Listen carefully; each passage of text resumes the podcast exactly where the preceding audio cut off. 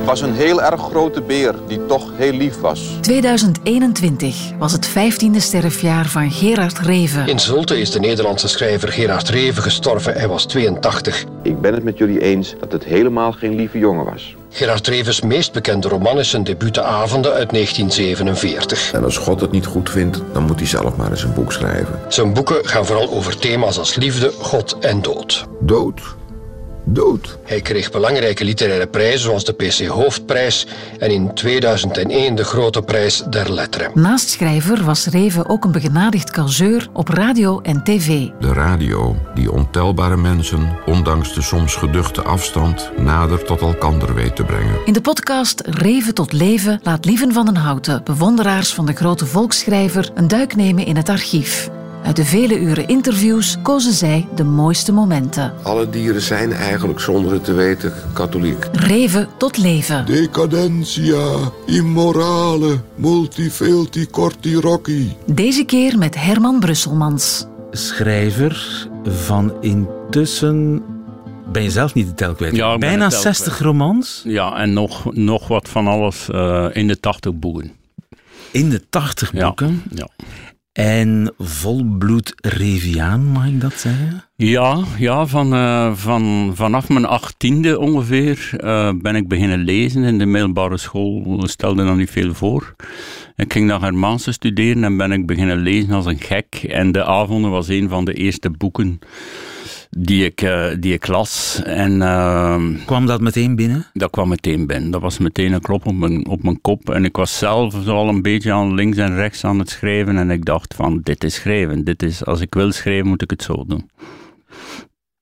Kun je zeggen dat de avonden jouw schrijver gemaakt heeft, of jou bewust gemaakt Ja. heeft van het feit dat je een schrijver bent? Ja, eh, het was zo door te lezen. eh, wist ik van schrijven moet leuk zijn. Als je dit kan schrijven, dan moet het leuk zijn. En eh, ik kwam uit een milieu waar niet, niet werd gelezen. Eh, ik was bezig met voetbal, ik was bezig met drummen. En dat lukte allemaal niet erg. En eh, toen ontdekte ik de literatuur mede door het lezen van Reven. Ook nog een aantal andere boeken. Jan Kramer, G.D. Salinger. Eh, Boris Vian uit alle soorten taalgebieden. Wel een, wel een aantal boeken. Maar als je één boek, van één boek kunt zeggen dat heeft mij meegevormd eh tot schrijven, dan is het de avond. Ja. En herinner je nog, toen je aan het lezen was, wat je voelde? van dit is, dit is waar ik naar op zoek ben. Dit, is, dit laat mij geboren worden als schrijver, want dit wil ik ook doen. Omdat veel mensen worstelen met de grijsheid van de avonden, de verveling. Ja, maar liever daar tegenover staat die, die onweerstaanbare humor. Hè. En dat, die combinatie van inderdaad het, het redelijk depressieve eh, uit dat milieu van net na de oorlog. En eh, de humor, die is door sommige mensen flauwe humor, melige humor, onnozele humor, eh, slapstick wordt genoemd. Die combinatie van, die, van dat wit en dat zwart, eh, dat treurige en dat leuke, dat, eh, daarvan wist ik direct, dit is wat, wat, wat ik wil vinden in, in de literatuur. En als ik het ooit doe, eh, schrijven, wil ik het op die manier doen. Ja. Zou je kunnen zeggen dat de man die werk vond, volgens mij niet jouw debuut, maar bijna jouw Derde debuut, boek, ja. dat dat min of meer jouw avonden Ja, is? Ja, ja, ja. Eh, ik had zelfs eerst eh, de neiging om, om het boek De Ochtenden te doen. Echt waar. Omdat het speelt zich vooral af eh, 's ochtends dan en, en 's namiddags gebeurt er niet veel. En, en over eh, de avonden van mijn hoofdpersonage weet je eigenlijk niks. Maar goed, dan dacht ik van, eh, dit zal er wel iets te dik op liggen. Ik moet zelf ook niet gaan rondbazuinen dat dit mijn eh, de avonden is. En dat ik, dat ik op die manier eh, beïnvloed ben door Reven. Maar het, het gaat, kijk, er zijn natuurlijk ontelbare boeken geschreven over een hoofdpersonage dat zijn weg niet vindt in de samenleving. Dat het moeilijk heeft met vriendschappen, met eh, relaties, eh, met liefde. Dat bestookt wordt door treurige, melancholische gedachten. Dat, dat is een, een, een vast personage in de literatuur door de eeuwen heen. En, eh, maar goed, dat is mijn soort personage. een, een, een alles overheersend ik-personage of hij-personage dat omringd wordt door, door mensen die het hem moeilijk maken, maar die het toch nodig heeft omdat iemand niet alleen kan leven enzovoort. En dat zit allemaal zowel in de avonden als in mijn boek De Man die werk vond. Ja. Ja. En heb je dan later ook nog andere Reven-boeken gelezen met dezelfde intensiteit en hetzelfde ja, ja, ja, tot en met. Uh, kijk, zijn laatste boeken, maar toen was hij, toen was hij waarschijnlijk al, al ziek. Uh, of minder in het hoofd, het heigend hert en zo. Weet je wel, die laatste boeken vond ik duidelijk minder. Maar vooral zijn brievenboeken, dat is, dat is op het allerhoogste niveau in de Nederlandstalige literatuur en de literatuur te koer.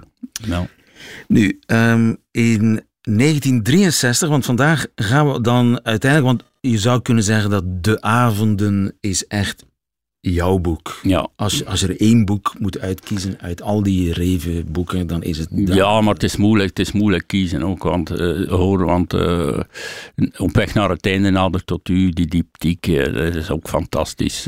ik zeg het, de brievenboeken. Ik ben ook een enorme fan van bezorgde ouders wat als een soort vervolg wordt beschouwd, of een boek in de trant van de avonden, veel later natuurlijk, in de jaren tachtig, ben ik ook enorm van uh, geporteerd en uh, bijna alles. Ik ben echt wel iemand.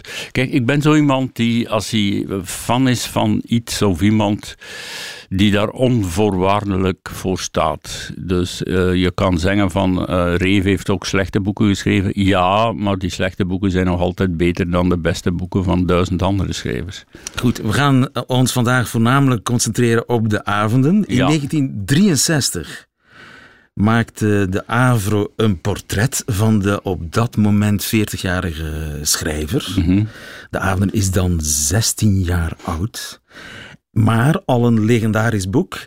En wat weet de schrijver zelf nog van het uh, schrijven van de avond? Ik heb het in een paar maanden in een zonderlinge bezetenheid geschreven. Uh, een paar keer, nou, dat ik het half of voor twee derde af had, wilde ik het weggooien, wegsmijten. Ik vond het grote onzin. Er zijn een paar mensen geweest die uh, het, in het intussen lazen. Max Nord, Wim Horen Adema, die mij per hoofdstuksgewijs als het ware aanmoedigde om door te gaan. Maar ja, uh, wat ik dus, dat er iets van gepsychologiseerd in zou zitten... nee, dat is helemaal niet zo. En erotiek ontbreekt, ja, het zit stampvol met erotiek. Ja, ja. Er komt alleen geen seksuele activiteit concreet tastbaar tevoorschijn. Ja, nu vraag ik mij af, nu in het licht van je laatste boek Op weg naar het einde... waarin je dus tevoorschijn komt met een openhartige beleidenis van een nieuw thema... of gedeeltelijk nieuw thema, de homoseksualiteit... of dat uh, daar ook een rol heeft gespeeld in het verzwijgen of vermommen van het, uh, het erotische. Dat is wel mogelijk. Dat kan ik, niet, kan ik niet beoordelen of dat dan zo geweest is. Ik heb het boek, zou ik echt kunnen zeggen... Uh, ik ben helemaal niet iemand die ooit die verklaringen van mensen serieus neemt... die zeggen dat, ze het, dat het door een engel in een soort nevelige toestand gedicteerd is. Maar het is wel een boek dat ineens in een... ja, wel heel erg rationeel in zijn vormgeving gecontroleerde... Heel sterk gecontroleerde werkmethode tot stand is gekomen... maar waar zo weinig doordacht is, uh, echt uh, ja, met een vooropgezet doel neergezet. Dat is niet zo. Dus is je echt, echt min of meer ontsnapt. Je wist ten dele niet, je, je, dwangmatig is het tot stand gekomen. Je ja, wist ten dele ja, niet wat je, ja. precies wat je deed. Het is in zekere zin, dus ondanks de geweldige frustratie die eruit spreekt... de geweldige beperking in vorm. Hè, die indelingen, die dagen, die uren, die aantal pagina's. Het weer zocht ik in de krant van die dagen precies op. Dat moest helemaal kloppen, al die krankzinnige dingen. Ondanks dat is het toch volgens mij een geïnspireerd werk. Die in die zin dat het, dat, dat het je ontsnapt en dat het meer is dan jezelf. Dat kan nooit natuurlijk, maar dat denk je. Dat voel je zo en zo zie ik erop ja. terug.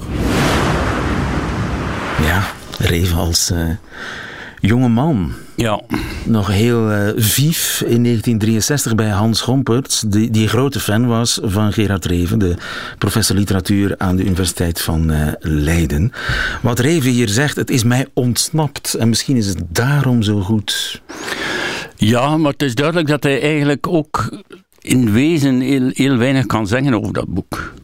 Hij zegt, het is in een paar maanden geschreven in een soort van gulp. Het is mij ontsnapt.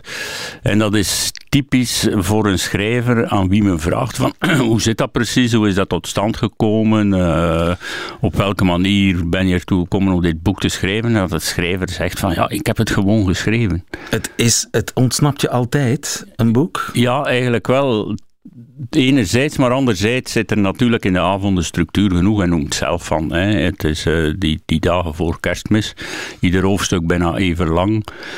Hij heeft opgezocht welk weer het was op die en die dag uh, in, de, in, in dat jaar 47 enzovoort. Dus uh, enerzijds is het uh, een werk dat, dat neer, neergekwakt is, zeg maar, op het papier, onder een soort dwang. En anderzijds is er toch wel over nagedacht. Ja. Ja.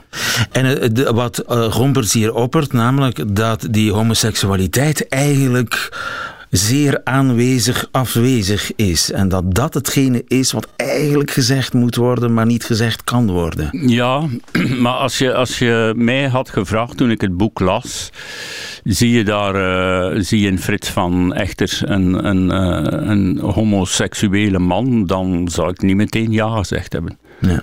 Er zitten dus, wel hints in natuurlijk naar die, die sadistische fantasie. Ja, achteraf bekeken en je, je legt het naast ander werk van Reven, dan, dan weet je wel van dit, dit was het begin. En waarschijnlijk durfde je nog niet te schrijven wat hij later heeft geschreven, omdat je natuurlijk in de jaren 40 zat.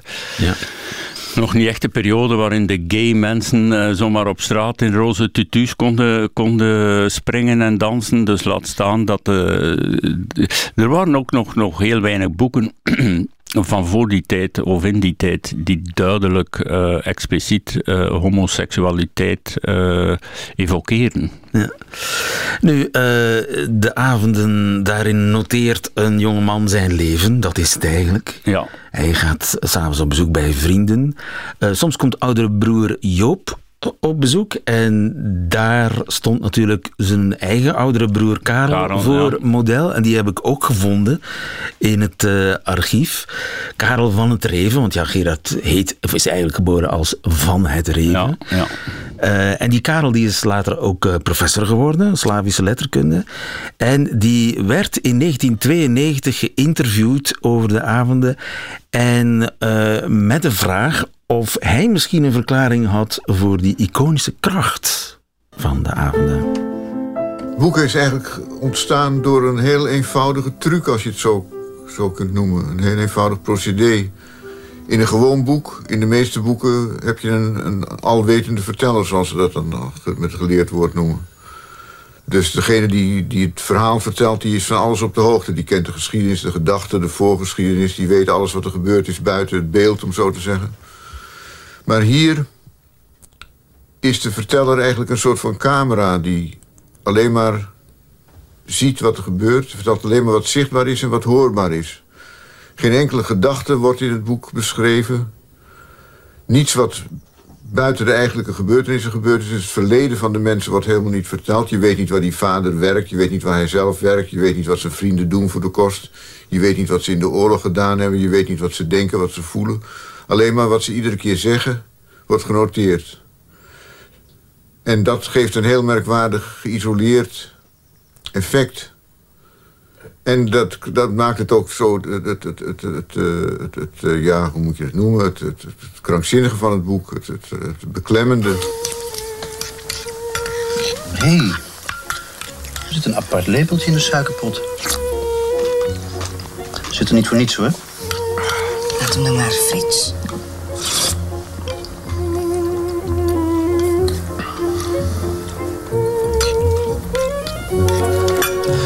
Een apart lepeltje in de suikerpot en zit er niet voor niets. Ja, fragmentje daar uit de verfilming van de avonden. Want het boek is uiteindelijk verfilmd door Viviane de Munk ja. als moeder van Echters. En Tom Hofman als uh, Frits van Frits, Echters. Ja, ja, ja. Het is moeilijk om Frits van Echters te zeggen, want je, ja, je weet dat het eigenlijk over Gerard zelf gaat. Ja.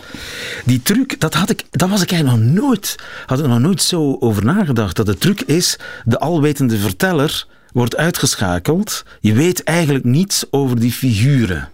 Nee, dat is niet anders. Dat kan niet anders dan heel bewust gedaan zijn. Hè.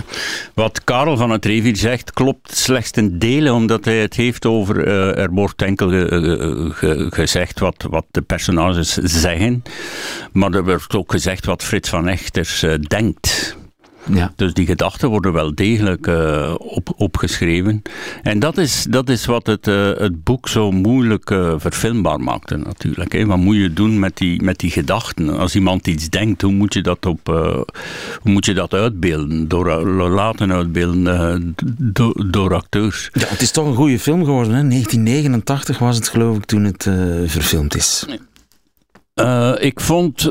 Ik, ik denk dat de film over het algemeen 2,5 ster kreeg. Meestal is uh, 5 sterren het, het absolute bijna onbereikbare. 4 sterren is fantastisch, 3 sterren is heel goed. Dus 2 sterren is uh, 2,5 ster. Ja, dat zit zo wat tussen niet goed en, en toch een beetje goed in. En uh, ja, natuurlijk, met, dat, met dit soort boeken is het zo, je stelt je die Frits van Echtes voor.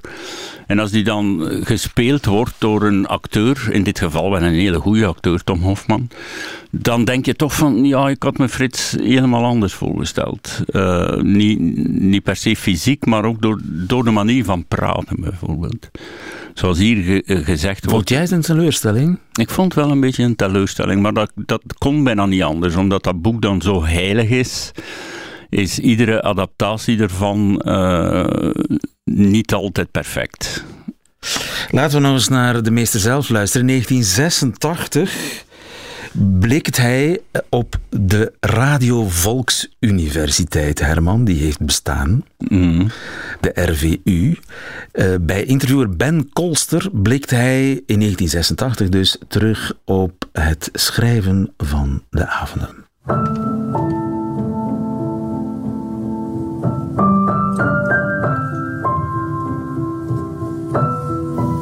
Vermeed de fout die jonge schrijvers maken... dat ze het geweldig ambitieus gaan opzetten. In de zin dat het begin van het boek uh, in Amsterdam speelt... en dan het, weer een stuk in, in Parijs... en dan ergens in Hongkong op een zinkende boot, weet je wel. Het, het buitengewoon gezochte van bij elkaar geraapte uh, spectaculaire omstandigheden. Ik dacht, als ik het doe, moet ik me beperken tot een heel sobere techniek en een hele elementaire bouw. Dus het is eigenlijk geen roman. Je zou het met enige goede wil een psychologische roman kunnen noemen. Dat er is iets als een ontwikkeling in de held. Hoewel nauwelijks. En ik denk dat die uiterst beperkte... die uiterst beperkte ambitie... ik bedoel technisch, hè... Mhm. Eh, dat die gemaakt heeft... dat men het beschouwt als een geslaagd werk. Maar het tumult dat het veroorzaakte... en de publiciteit die het me gaf... die was als altijd voor een jonge auteur rampzalig. En bracht me totaal uit mijn evenwicht... en verlamde me voor jaren mhm. om iets, iets anders te gaan maken. Succes, groot en plotseling succes... is het ergste wat een kunstenaar kan overkomen. Hij is er beter aan toe als het een bescheiden waardering vindt. Als hij niet te veel op zijn weg belemmerd wordt. Als hij hier en daar wat kan maken en gepubliceerd kan krijgen... waardoor hij zijn kop boven water kan houden. Maar zodra er dus iets komt als succes... en dan helemaal later als er nog materieel succes ook komt... komen er alleen maar problemen van. Succes is een... Ja, hij wil het en hij zal het hebben en hij vecht ervoor en hij droomt ervan... Maar als het komt, is het geen weldaad. Het is het niet uh, iets uh, prettigs voor een, voor een uh, kunstenaar. De avonden zijn tien dagen uit het leven van een ja. jonge man. Een, een, een, een benauwende sfeer van, ja, van een leven dat maar doorgaat. Maar hij ziet het van minuut tot minuut, bij wijze van spreken. Gedetailleerd ziet hij dat aan zich ontrollen. Was het de sfeer van die tijd en van uw leven op dat moment? Het was wel de sfeer van mijn leven van die tijd. En ik schijn toch wel... Ik heb geen, geen, geen sfeeronderzoek of zoiets gedaan. Maar het merkwaardige is eh, dat het ondanks de tijdgebondenheid... het is dus die tijd, dat milieu, de tijd en de voorwerpen... en de, en de modus en de radioprogramma's en alles is duidelijk te herkennen. Je kan het op de week nauwkeurig dateren. Uh, het schijnt toch een algemene geldigheid te hebben dat het dus de, het probleem van de binding aan en de wil tot losma losmaking van het ouderlijke huis een blijkbaar blijvende geldigheid heeft. Want het boeit en ontroert nu al uh, een tweede generatie daarna.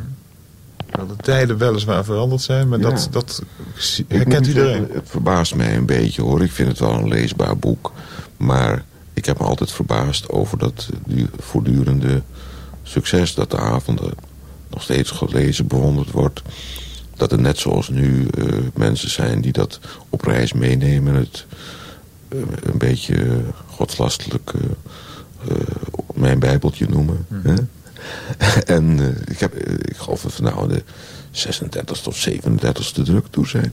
Voor de mensen die het niet kennen, is het even aan te geven waar het om gaat ja, in dat boek, De Avonden. Ja, er is wel, je kunt het wel klassificeren, een bepaalde structuur. Het is dus een, het is eigenlijk de verveling en de eentonigheid zo ingedeeld dat die verveling zelf zich niet van de lezer mede, maakt, maar een soort spanning oproept van wat gaat er nou gebeuren. En er is was toch wel een bepaalde ontwikkeling, maar het is een, een psychische ontwikkeling. Een, ontwikkeling in het bewustzijn van de, van de held. Maar je kan zeggen, alles gebeurt er eigenlijk in, maar er gebeurt ook tegelijkertijd niks. En het is dat, toch dat door een bijzondere constellatie ben ik erin geslaagd... om de eentonigheid en de uitzichtloosheid en de verveling van het leven uit te beelden zonder dat het als eentonig en vervelend overkomt. Ja, de verveling zo opgeschreven dat het spannend wordt. Ja, bijvoorbeeld over mijn boek dan De Man die werk vond, was er een quote dat op de herdrukken achteraan werd gezet. Een boekje over verveling dat geen moment verveelt. En dat, dat is... Uh, dat is wat Reven met de avonden als, als uh, mijlpaal heeft neergezet. Juist, en, en het verlammende effect van het plotse succes, heb je dat ook meegemaakt? Goh, ik had, ik had niet, niet, niet meteen succes. Hè. Je kan zelfs, want Reven spreekt de avonden in de jaren tachtig had al een in de dertigste druk. Dat is mij nooit, uh, nooit overkomen. Maar het verlammende effect van, van plot succes, zegt jou dat iets? Nou, dat een, een, kunstenaar, een schrijver beter uh, langzaam uh, Nee, dat, dat heb ik nooit gevonden. Mijn eerste boek heeft wel wel losgemaakt. Ook het Zinneloze Zeilen was geen verkoopsucces, maar de kranten stonden er wel vol van. De literaire Kamagurka en dat soort dingen. Maar uh, ik, ik, uh, ik heb me altijd uh, voorgenomen om me door niks van de wijs te laten brengen wat er in de krant staat of wat mensen zeggen en meteen te beginnen aan een volgend boek. Er zijn voorbeelden van mensen die met een eerste boek of een eerste plaat of een eerste schilderij zoveel succes hebben dat het hen verlamt, hè, zoals Reven het ook noemt. Maar er zijn ook genoeg voorbeelden van mensen die meteen succes hebben en dat succes blijven behouden tot, tot, tot lang. Ja, bij hem heeft het nog uh, flinke tijd geduurd voor hij zijn tweede adem vond. Hè? Ja. Tot, uh, dat is echt tot 63 ongeveer, van, van, 6, van 47 tot 63, dat is uh, eh, 16 jaar. Ja, maar ik denk wel dat Reef ook in zijn persoonlijk leven zoveel worsteling had dat hij niet aan het schrijven toekwam. Hey, er was ook altijd gedoe met huizen en met uh, vrienden en met, met minnaar. En, met zijn geaardheid. Het ja, geduurd tot hij klaar was met zijn geaardheid, om klaar was om daarover om te daarover schrijven. te schrijven, ja. ja, ja. Voor hij echt uh, is, is losgeschoten. Ja, ja. Maar ik, ik, ja, ik zeg het, die, die, die stelling die je poneert van met succes moet je uitkijken en het is maar beter dat het allemaal eerst een beetje rijpt voor je succes hebt, daar ben ik het niet per se mee eens. Nee. En ja, het, wat, wat hem ook verbaast is dat het succes blijft hebben, want het speelt zich af in een heel specifiek naoorlogs Amsterdam. En kennelijk ja, heeft het een soort universele kracht. Ja, dat is wat hij zegt. Hè. Uh, ouders en kinderen. Hè. Kinderen die, die zich willen ontworstelen, niet alleen aan hun ouders, maar aan een heel milieu. het is inderdaad die uitzichtloosheid die ook wel te maken heeft uh, met de nawegen van de oorlog. Ehm, en, uh, maar die kennelijk niet nodig is om, om het uh, aan te voelen. Nee, er zijn boeken uit, uit de oudheid zelfs. Uh, er zijn, er zijn stukken en, en, poëzie van Shakespeare die je nu nog altijd kunt lezen en zeggen van nou, dat, wat hij daar schrijft heb ik met mijn vriendin of met mijn vriend ook. Nou, het gaat helemaal natuurlijk niet over die oorlog en over de naoorlog. Het gaat over het niet, niet thuis voelen. Voilà, dat heb je nu nog. En dat er dan een kolenkachel in voorkomt en niet een mobiele telefoon, dat, uh, dat is geen probleem. Uh, Victor Poort Zegt je dat nog iets? Ja, die is ook gebaseerd op, ik ben het nu even kwijt. Robert van Amerongen. Ja, ja, ja. Uh, latere rector van uh, het gymnasium in Haarlem. Uh, over Victor Poort weten we eigenlijk niks, hoewel hij, die uh, Robert of Bob van Amerongen, eigenlijk een soort verzetsheld was. Die ja. uh, zich ingezet heeft voor de Jodenonderduik. Trouwens, samen met Karel van het Reven, samen met Tini Israël, die later de vrouw is geworden van Karel van het Reven. Dus het was eigenlijk een soort heldengroep. Ja, Reven zelf ook heeft ja. ook meegewerkt aan het Parool, wat een, een verboden krant was. He, door de het is eigenlijk een soort ja, ja absoluut. Ja. En ook hand- en spandiensten geleverd. Hij heeft erover geschreven ook, hè, dat hij uh, voedseltransporten moest begeleiden. Ja, ja. Uit uh, Friesland. Nu, die uh, Bob van Amerongen, die is ook ooit een keer geïnterviewd door de AVRO in 1963. En aan hem werd gevraagd hoe die Gerard toen was. Ja. Van het Reven kwam in de tijd dat hij de avonden schreef veel bij hem op de Weesperzij. En het contact wat ik in die tijd met hem gehad heb, is een uitermate vriendschappelijk, maar toch wat vlak contact geweest. Soms had ik zelfs de indruk eh, dat het te vlak was, maar de manier waarop wij met elkaar omgingen eh, was nu eenmaal zo. Hij overliep me ook wel eens. Hij wist dat ik graag smiddags sliep. Hij kwam dan toch bij me. En wanneer je dan aanslapend aantrof, dan vond hij dat een teken dat het snel mis zou gaan. En dan kwam er zo'n formulering als... Uh, een jong en veelbelovend leven zal uh, binnenkort een tragisch einde nemen. En dan stond ik op en dan praten we over koetjes en kalfjes, in formules, in codetaal. Maar we praten toch heel gezellig. We praten ook over het boek wat hij aan het schrijven was. Het boek waar ik in die tijd al onmiddellijk, eigenlijk onvoorwaardelijk in geloofde. Ik vond het heel mooi en dat vind ik nog steeds zo. Eh, ondanks het feit dat hij dus wel eens te veel was. Eh, ik geloof niet dat ik het ooit heb laten merken. Eh, terwijl hij dat toch merkte, dat ik dat niet liet merken. ondanks dat feit hebben we een uitermate plezierige relatie gehad. Die, ik geloof, zijn plezierigheid te danken heeft aan het feit dat Van het Reven naast zijn goede eigenschappen, of in zijn goede eigenschappen, zulke aangename slechte en in zijn slechte zulke aangename goede eigenschappen heeft. En ik geloof ook nog steeds had en nog steeds heeft. Hij is, was bepaaldelijk gierig, of laten we zeggen hebberig. Hij ging tussen half zes en zes uur naar de markt om zijn inkopen te doen. Eh, dan waren de prijzen aanzienlijk gedaald. En als je dan bij hem at, dan rook hij aan de vis en dan zei hij... Het stinkt wel een beetje, maar het was uitzonderlijk billig. Gierig, maar aandoenlijk. Hij uh, kon een cadeautje voor een vriend kopen dat hij met zorg uitkoos. Uh, en hij kon dan zeggen uh, tegen de juffrouw... laat u het prijsje er maar in zitten. Het is om cadeau te geven. Gierig, maar aandoenlijk.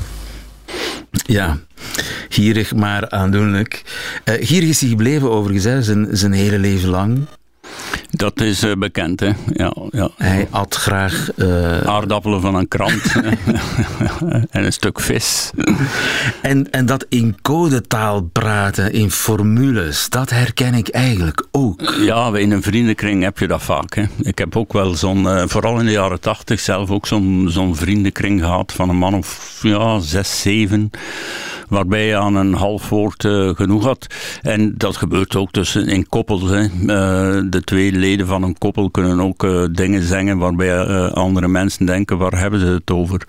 En dat, dat is het leuke aan vriendschap, dat je onder andere dat je een eigen taal ontwikkelt met elkaar. Ja.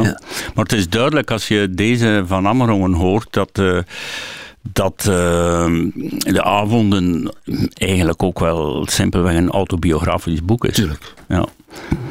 Je zou kunnen zeggen, als je het leest, van ja, goed verzonnen, hè, goed, uh, goede fantasie.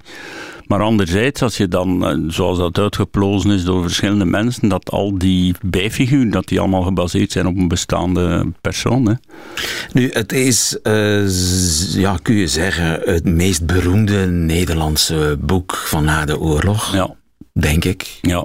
Je hebt uh, Turks fruit en, en je hebt ook wel Hermans en... Uh, ik Jan Kremer misschien, maar, maar eigenlijk is De Avonden het boek der boeken. Ja. Nu, uh, op het moment van het verschijnen zelf was het controversieel. In die zin, er waren critici die de waarde ervan inzagen, maar er waren ook critici die het, die het hebben neergesabeld. Meer dan één zelfs. Zoals er ook uh, gewone lezers, zou je het kunnen noemen, zijn, die zeggen van, hier vind ik helemaal niks aan. Dit is een, een stom, vervelend boek. Nu, uh, professor Gompert, uh, die we al eerder hebben gehoord, die vatte eigenlijk in 1963 die, die critici, die, die stemmen, mooi samen over de avonden van Gerard Cornelis van het Reven, die zich toen nog Simon noemde, is bij de verschijning in 1947 uiteenlopend geoordeeld. Greshoff, humor kent hij niet. Vestdijk, bevrijdende humor van een zeer persoonlijk cachet. Van Ekkeren, van het Revensboek heb ik ongeroerd en alleen wat geërgerd terzijde gelegd. Bordewijk, het is oorspronkelijk, het is boeiend en het wijst op groot talent. Fokke Sierksma, een klein boek zonder afstand, zonder ruimte, dat de grote dingen ontloopt. Greshoff, het is de domheid welke mij in deze bekroonde roman het sterkst trof. De schrijver zeurt en zanikt maar door. Een gemelijk, landerig, lummelig leeghoofd... die niet verder komt dan tot het drenzig opsommen van pesterijtjes... gewilde ergheden, onnozele gollen, miserige viezigheden. Vestdijk, het zeldzaam navrante slot dat de hele roman draagt... behoort tot het aangrijpendste wat ik ooit onder ogen kreeg. Zulke tegenstrijdige reacties zijn het werk van Van het Reven blijven begeleiden. Het wekte telkens bewondering en ontroering... en bij anderen weerzin en verontwaardiging. Maar het heeft zich gehandhaafd. Voor mij persoonlijk is hij een van de weinige schrijvers van betekenis in onze moderne literatuur. De avonden suggereert juist in de kleinheid, in de details... een verlatenheid van een grote omvang. Een radeloosheid die aangrijpend is voor wie bereid is er naar te luisteren. Het is begrijpelijk dat zijn openhartigheden sommige mensen schokken. Maar laat men toch iets verder kijken. En laat men toch zien dat het hem om andere dingen begonnen is. Ergernis over boeken komt vaak voort uit uh, de herkenning van iets uh, dat men niet herkennen wil. Iets dat men wegstopt. Juist omdat men het zelf heeft of beleefd heeft. Er is veel in het werk van Van het Reven dat op deze manier resoneert en dissoneert. Wijze woorden. Ja, en het is altijd zo, als iemand op een podium stapt, dan mag om het even wie zijn, heeft hij voor- en tegenstander. Als hij, als hij echt raakt, dan heeft hij ook tegenstanders. Ja, absoluut. En, en wat er dan wordt gezegd, het zijn flauwigheden en er gebeurt niks. En, en de nadelen die me, van het boek die me dan opzomt, die zijn in de ogen van de, de bewonderaars zijn net de, de voordelen van het boek. En het idee dat het iets is wat men herkent, maar niet herkennen wil. Ja, ja uh, zo'n Gresshoff bijvoorbeeld, die, die dan tegen het boek is, die zal misschien inderdaad moeten toegeven, ja, ik heb ook zo'n zo'n zo'n zo'n kutleven uh, gehad, of ik heb het nog steeds. Maar ik ben, uh, ik ben Jan Gresshoff en ik ben heel belangrijk en, en, en, en, die wil misschien inderdaad niet onder ogen zien dat... dat nagenoeg iedereen in zijn puberteit of iets daarna uh, het worstelt met het leven, worstelt met de omgeving, worstelt met de, de, wat er aan de hand is in, de, in, in, die of die periode, worstelt met de ouders enzovoort. Gek toch, hè, dat uh, toch hele professionele lezers, hè, zoals uh, Greshoff en dat zelfs schrijven en zo, dat meesterwerk niet herkennen. Nee. Nee, dat, uh, dat, dat snap je niet. Hoe, kunnen, hoe kan iemand die zegt de avonden is een slecht boek, ook de, de rest van de literatuur op een juiste manier interpreteren? Die gaat dan ook waarschijnlijk slechte boeken goede boeken noemen. Ja. Uh, en, en het verbaast me een beetje dat Vestijk zo, uh, zo positief was. Omdat Vestijk toch uh, enerzijds wel een pruimige man was, weet je wel. En, maar anderzijds misschien ook zodanig worstelde met zichzelf, altijd last had van angsten en depressies en, enzovoort, dat hij dat die uitgerekend iemand zoals hij dan inderdaad inzag wat een getroubleerd leven een door de weekse eh, mens kan hebben. Is dat voor jou een criterium om met mensen om te gaan, zeg maar?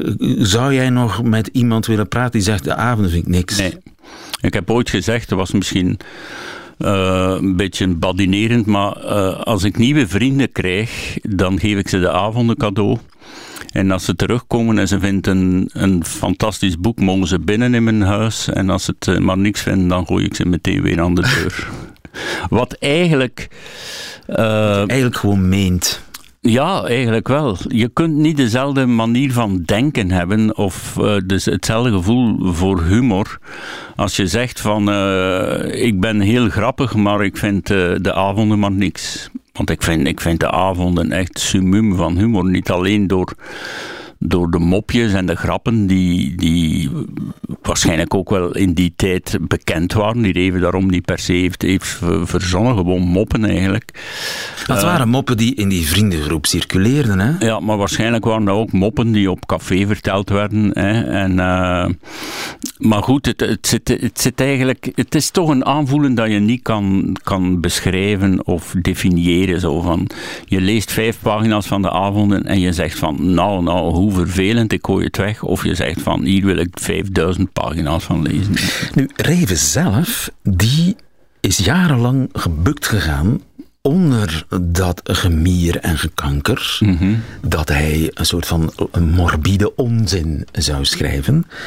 En dat is veranderd in Engeland toen hij een standaardwerk over de romantische literatuur las, The Romantic Agony. Ja. Dat, tenminste, dat heeft hij ooit zelf gezegd. Ik ben jarenlang, herinner ik me nu, gebukt gegaan onder dat uh, gemier en gekanker in allerlei kranten en tijdschriften. Dat, wat Van het Reven schrijft, dat is allemaal zo negatief en zo duister. En er zijn zoveel mooie dingen in het leven om over te schrijven enzovoort. Dat weet je wel. En je kan dan beter weten op den duur, hè, in je familie, kenniskring, iedereen. Hè, op laatst word je hartstikke krankzinnig zowat. Hè.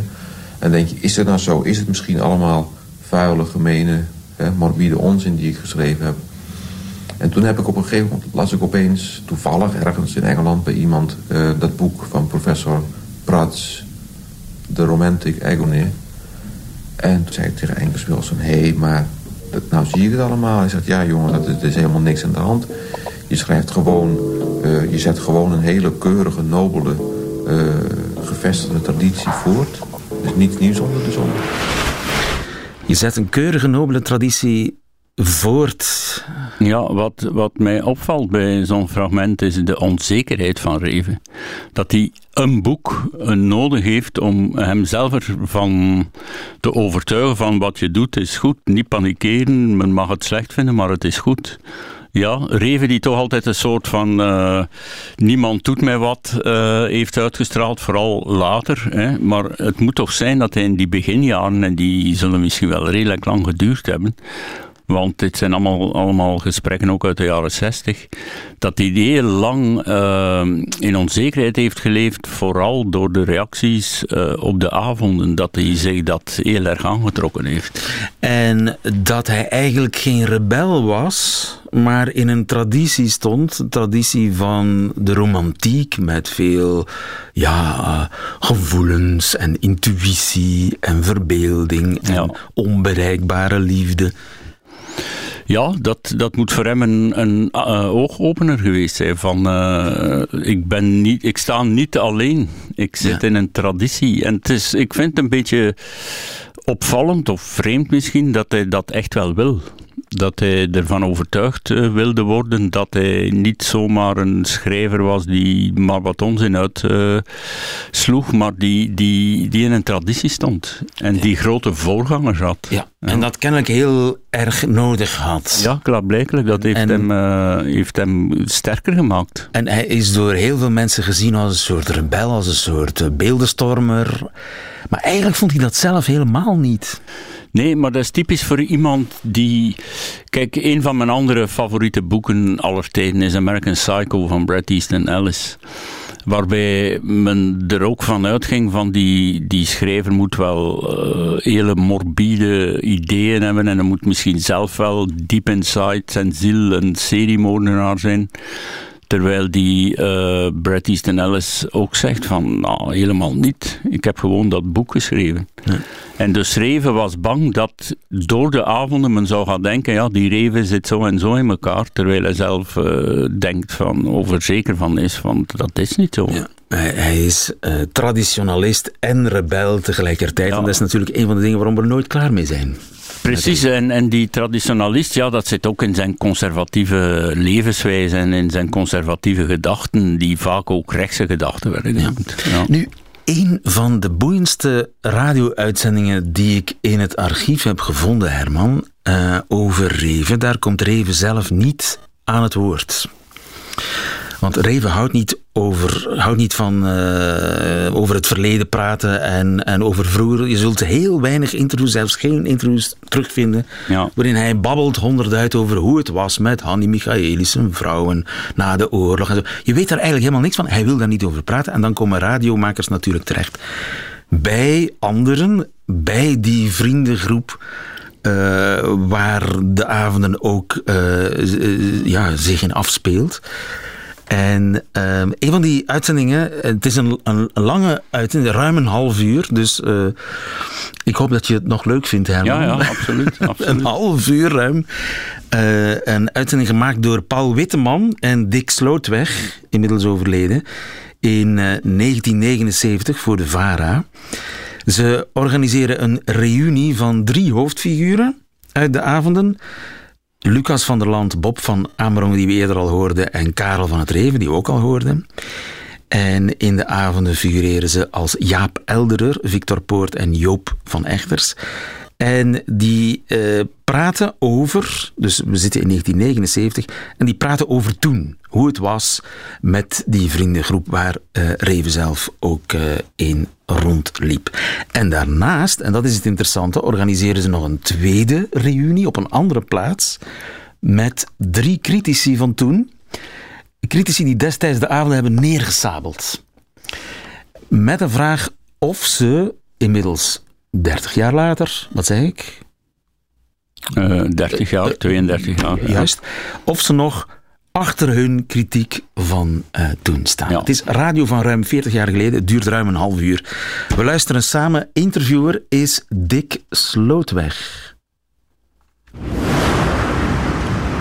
Ik doe mee, had hij door de telefoon uitgeroepen. Nog voordat helemaal duidelijk was gemaakt wanneer, waar en met wie precies over de avonden gesproken zou worden.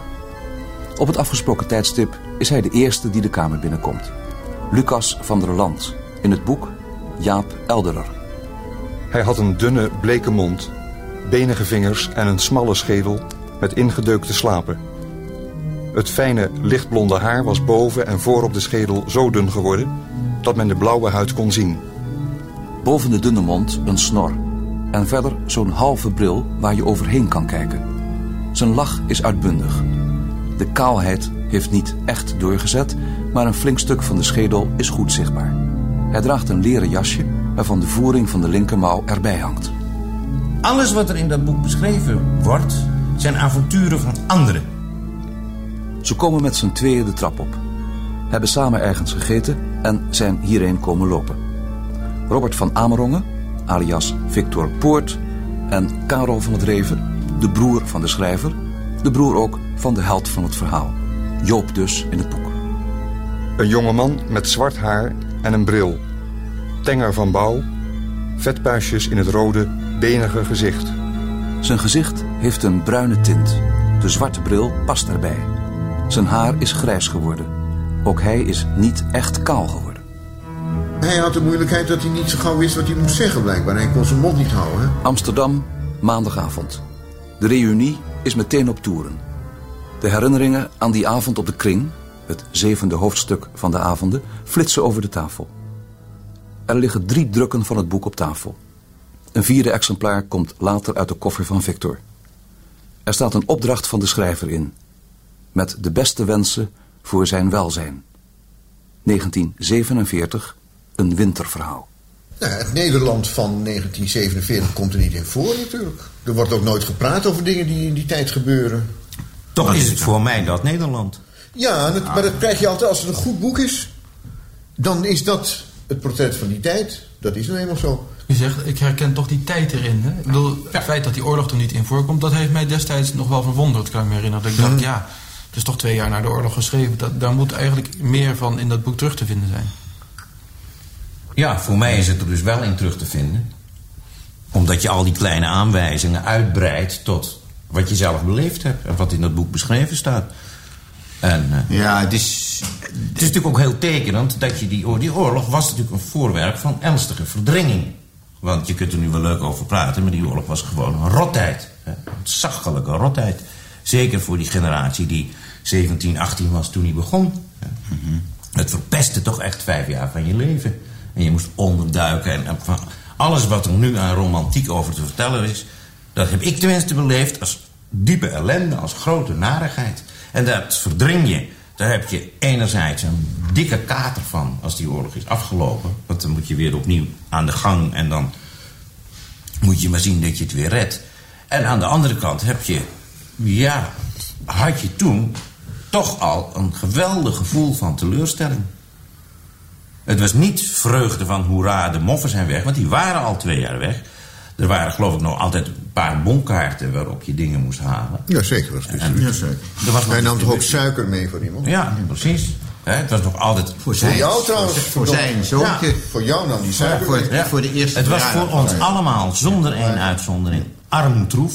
Ja, natuurlijk. Geen van onze vrienden had ook maar centen om een haring te kopen, bij wijze van spreken. Nou, het leuke is ook dat er geen er komt niet alleen geen auto in voor, maar er komt ook niemand in voor die een auto heeft... of die iemand kent die een auto heeft. Die bestond niemand, ook niet? Niemand heeft telefoon, vind ik ook zo geweldig. Niemand in het hele boek, er had ook niemand telefoon.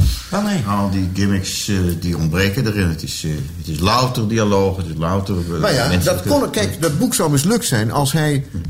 als, als Robert en, en, en Jan Hemelrijk... een aardige gebeurtenis uit de oorlog zou hebben verteld dan zou dat de rest doodgeslagen hebben natuurlijk. Dat kan niet. Het merkwaardige is dat er wordt niet over, de behalve die mensen die bij ons gegeten hebben ja. en doodgegaan Ja, ja. Oké, okay, dat is een leuke grap. Dat wordt verteld. Dat, is verteld. de oorlog, ja. ja. En ik, de laatste... Maar wat, wat, wat jij en Jan Hemelrijk hebben, hebben beleefd aan, aan toch buitengewoon schilderachtige avonturen... Dat staat er niet in, nee. want dat zou, dat, zou te, dat zou te werkelijk te zwaar zijn... om een stukje oorlog of een stukje concentratiekamp of zoiets erin te gooien. Ja. Dan, dan, dan breekt het die boel, dat kan niet. Maar kunt u zich voorstellen dat er dan critici zijn... die zeggen, ja, maar het is eigenlijk helemaal ja, geen, zijn... geen beeld van die tijd. Nee, maar Want een boek moet ook in, geen beeld van de tijd leven geven. in de, in de verwachting van een ja, nieuwe dat is ook wereld. ontzettend en stom, dan komt er zo'n leeg boek ja. aan. Ja. Ja, maar dat is ontzettend stom van die critici... dat die denken dat een boek een beeld van een tijd geeft. Dat doet een boek niet. Of, of, of later, denk, later zie je, dat, zie je die tijd. Kijk, de dingen van die tijd die erin zitten... die zie je nu. Nu zie je die, die jaren daarin herleven. Gewoon aan de feiten, aan de prijzen, aan de, aan, briketten. aan de briketten, aan allemaal kleinigheden zie je die tijd herleven. Dat hij naar de bijenkorf gaat, dat, dat mijn moeder een, een fles bessenappel voor 3,50 gulden koopt niet. Terwijl je nu voor 3,50 gulden een fles drinkbare wijn kan krijgen, bij wijze van spreken. Maar toen, met, met je armoede voor 3,50 kon je een, een zurige mengsel kopen wat, wat niet te suipen was.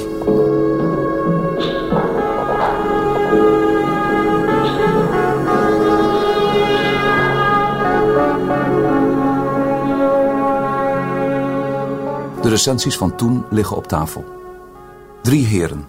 De gemiddelde leeftijd ligt een flink eind boven de 70. De critici van toen. Garmt Stuiveling is zonder twijfel de bekendste van de drie. Om de 14 dagen een radiokozerie van een kwartier over literatuur, toen de radio nog sprekers bracht. Fragment uit zijn bespreking van de avonden. Verveling, eentonigheid, landerig leuteren, misselijk geroddel, monomane theorieën over haaruitval en allerlei andere ziektes, onbelangrijke en onsmakelijke lichamelijke verrichtingen en verschillende dromen vormen de grauwe, kleurloze stof waarvan het werk is geboetseerd. Ben Stroman was in 1948 als criticus aan het Handelsblad verbonden. Hij is nu achter in de 70. Schreef destijds over de avonden. Men zal menigmaal de neiging in zich voelen opkomen dit onbeschaamde getuigenis van sadisme en masochisme, deze quasi-liefdeloze confrontatie van het kind en de ouders weg te werpen, omdat het te veel wordt aan weerzinwekkendheid, zoals het te veel is geworden voor de jonge schrijver. Scherpe kritiek kwam in de tijd uit de koker van Rico Bulthuis. Zo scherp dat Reven er verontwaardigd op reageerde. Bulthuis komt nu met het verhaal dat hij toen, behalve deze recensie, ook een hemelhoog lovende kritiek had geschreven, maar die is nooit gepubliceerd. Het was een weddenschap om te laten zien dat je met een recensie twee kanten uit kan met deugdelijke argumenten. Een dikke dertig jaar later spreken de collega's Stroman en Stuiveling hem alsnog verwijtend toe. Dat had je nooit mogen doen. Het is vijf avonden voor de reunie in Amsterdam. Rico Bulthuis blijft aan de koffie. Garm Stuiveling, die zijn vrouw heeft meegenomen, deelt met haar een flesje jus d'orange. Ook Ben Stroman drinkt een sapje. Uh, kijk, je moet natuurlijk wel bedenken dat um, die jaren dertig voor uh, mensen die uit de jeugdbeweging kwamen, die overtuigd socialist waren, overtuigd pacifist, overtuigd antimilitairist, dienstweigeraar, uh, geen kleine klap hebben betekend. En we hebben dus die oorlog doorgemaakt met het idee van als de bevrijding komt, dan komt er iets nieuws. En toen, en toen las u dit boek? Ja, en toen kwam dit. Ja, precies. precies. ja. het, het, was helemaal dat niet zo dat ik, dus, dat ik dus zo overtuigd was dat Nederland een heldenvolk was. Integendeel. Maar dit hoeft dan ook weer niet? Maar dit hoefde ook nee, niet. En dit geloofde ik ook niet in. En ik reageerde op dit boek met het idee van... als dat de geestesgesteldheid van de jongere generatie is... althans van een begaafde jongen uit die generatie... dan vind ik dat een bijzonder armzalige geschiedenis. En als de jongen ouder wordt, zal hij zelf ook wel merken hoe leeghoofdig deze zaak is. En uh, ik kan niet anders zeggen, uit het verloop van het leven van, van Gerard van Dreven is dus ook gebleken dat hij op een bepaald ogenblik een uh, mij op zichzelf helemaal niet liggende bekering, maar toch een bekering heeft doorgemaakt naar een andere fundering dan in dit boek te vinden is. Hier is namelijk helemaal geen funderingen te vinden. Amsterdam, vijf dagen later, de reunie van Jaap, Joop en Victor, sleutelfiguren uit de avonden.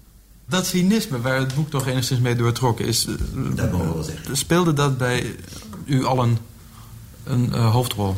Toen en nu? Nou, vooral toen. Ja. Nou ja, je wilt wel zo dat soort dingen zeggen, ja. Ja, maar met uh, grenzen, hè?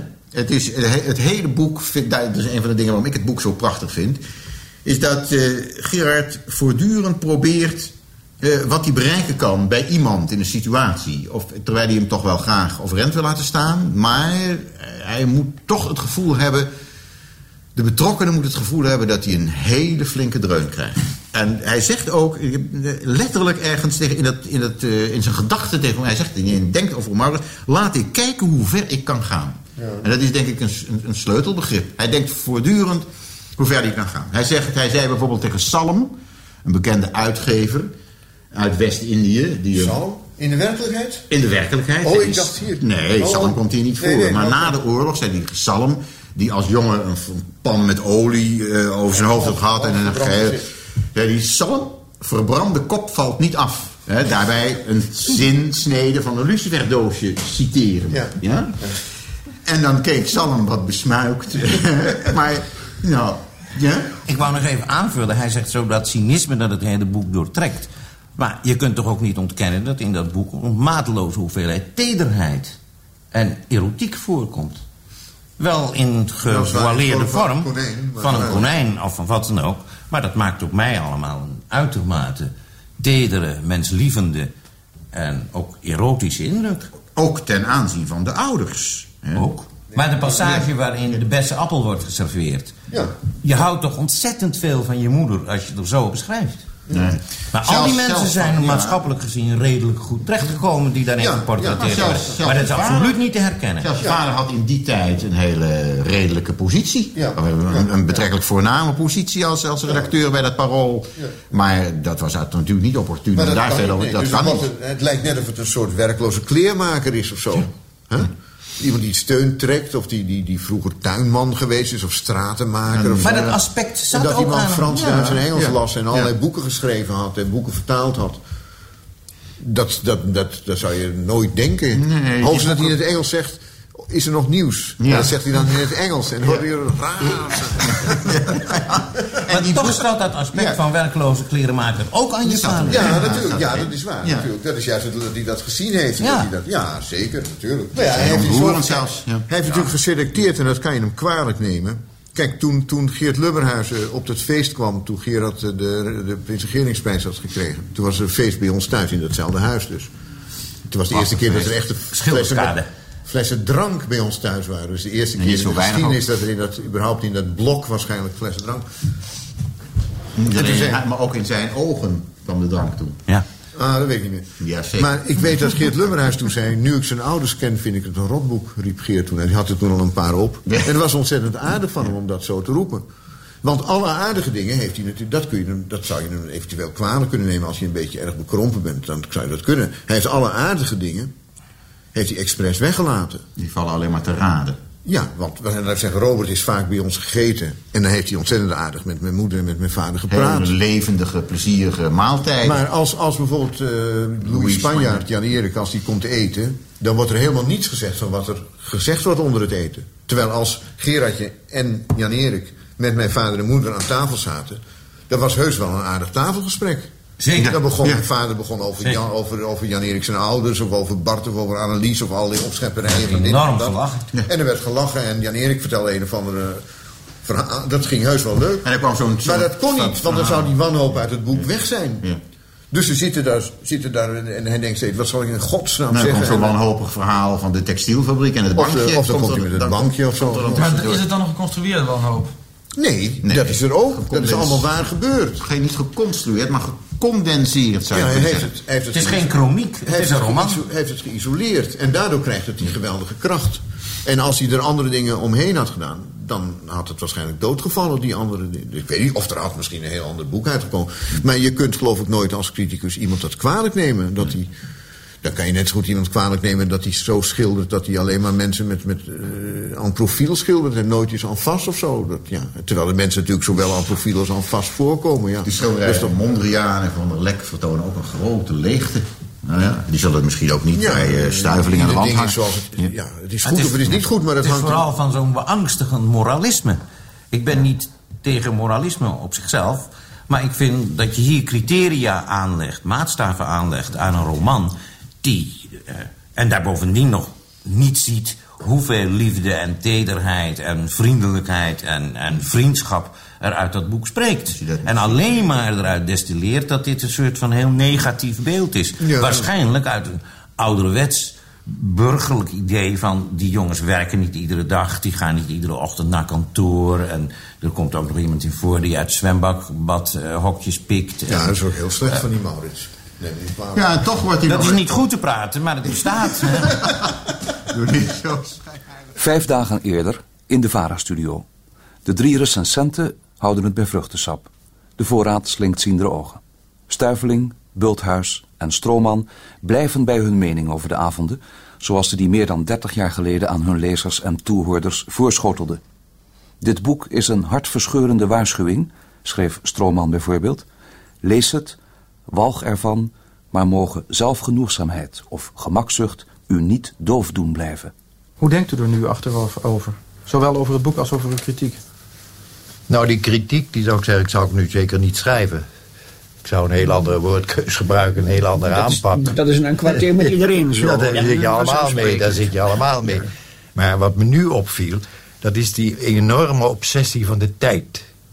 Die het hele boek doorgaat.